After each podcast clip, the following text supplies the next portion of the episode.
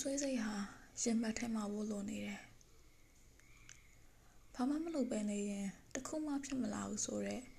ဆိုးရတဲ့ပုံသေးကားကြတောင်းဝင်ရှိခြင်းစိတ်ကြောင့်ကိုယ်စိတ်ကိုတစ်စက္ကန့်တော့အနာမပေးနိုင်ဘူး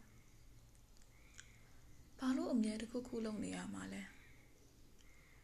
ကိုကအသုံးကြရဲဆိုတာကိုဘသူ့ကိုအမြဲတက်သေးပြနေရမှာလဲကိုကိုကိုလား ဘာလို့မလုံခြုံစိတ်နဲ့ယုံကြည်စိတ်ဟာအမြဲလွန်ဆွဲနေရမှာလဲ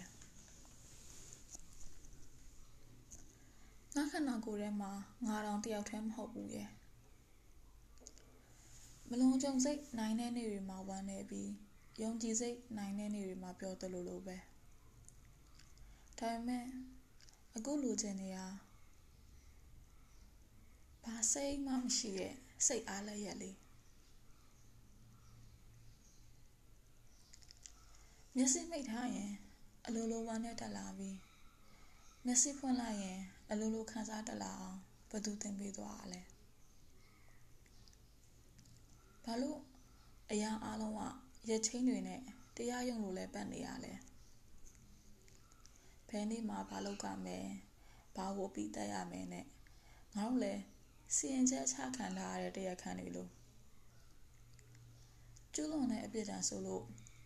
လူဖြစ်လာလို့ခံစားတတ်ခြင်းဆိုတာပဲရှိပါတယ်လူတွေမှာဘာမှခံစားစရာရင်ဖွင့်စရာမလိုတဲ့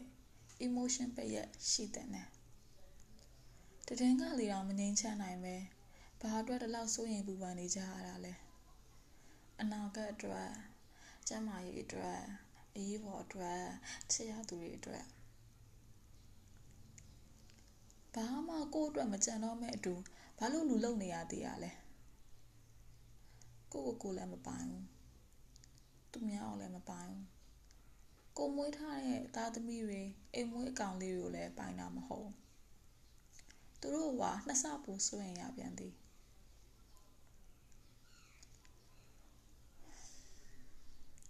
တခုခုမလုံနိုင်ခဲ့ရင်မလုံနိုင်ခဲ့ဘူးဆိုပြီးပူဆွေးရလုံနိုင်ခဲ့ရင် ဒီထက်ပိုလုံနိုင်ပါအောင်မလားလို့ကြိုးဆိုရင်ရအရာအားလုံးဟာဘာလို့မရိုးရှင်းနိုင်ရတာလဲ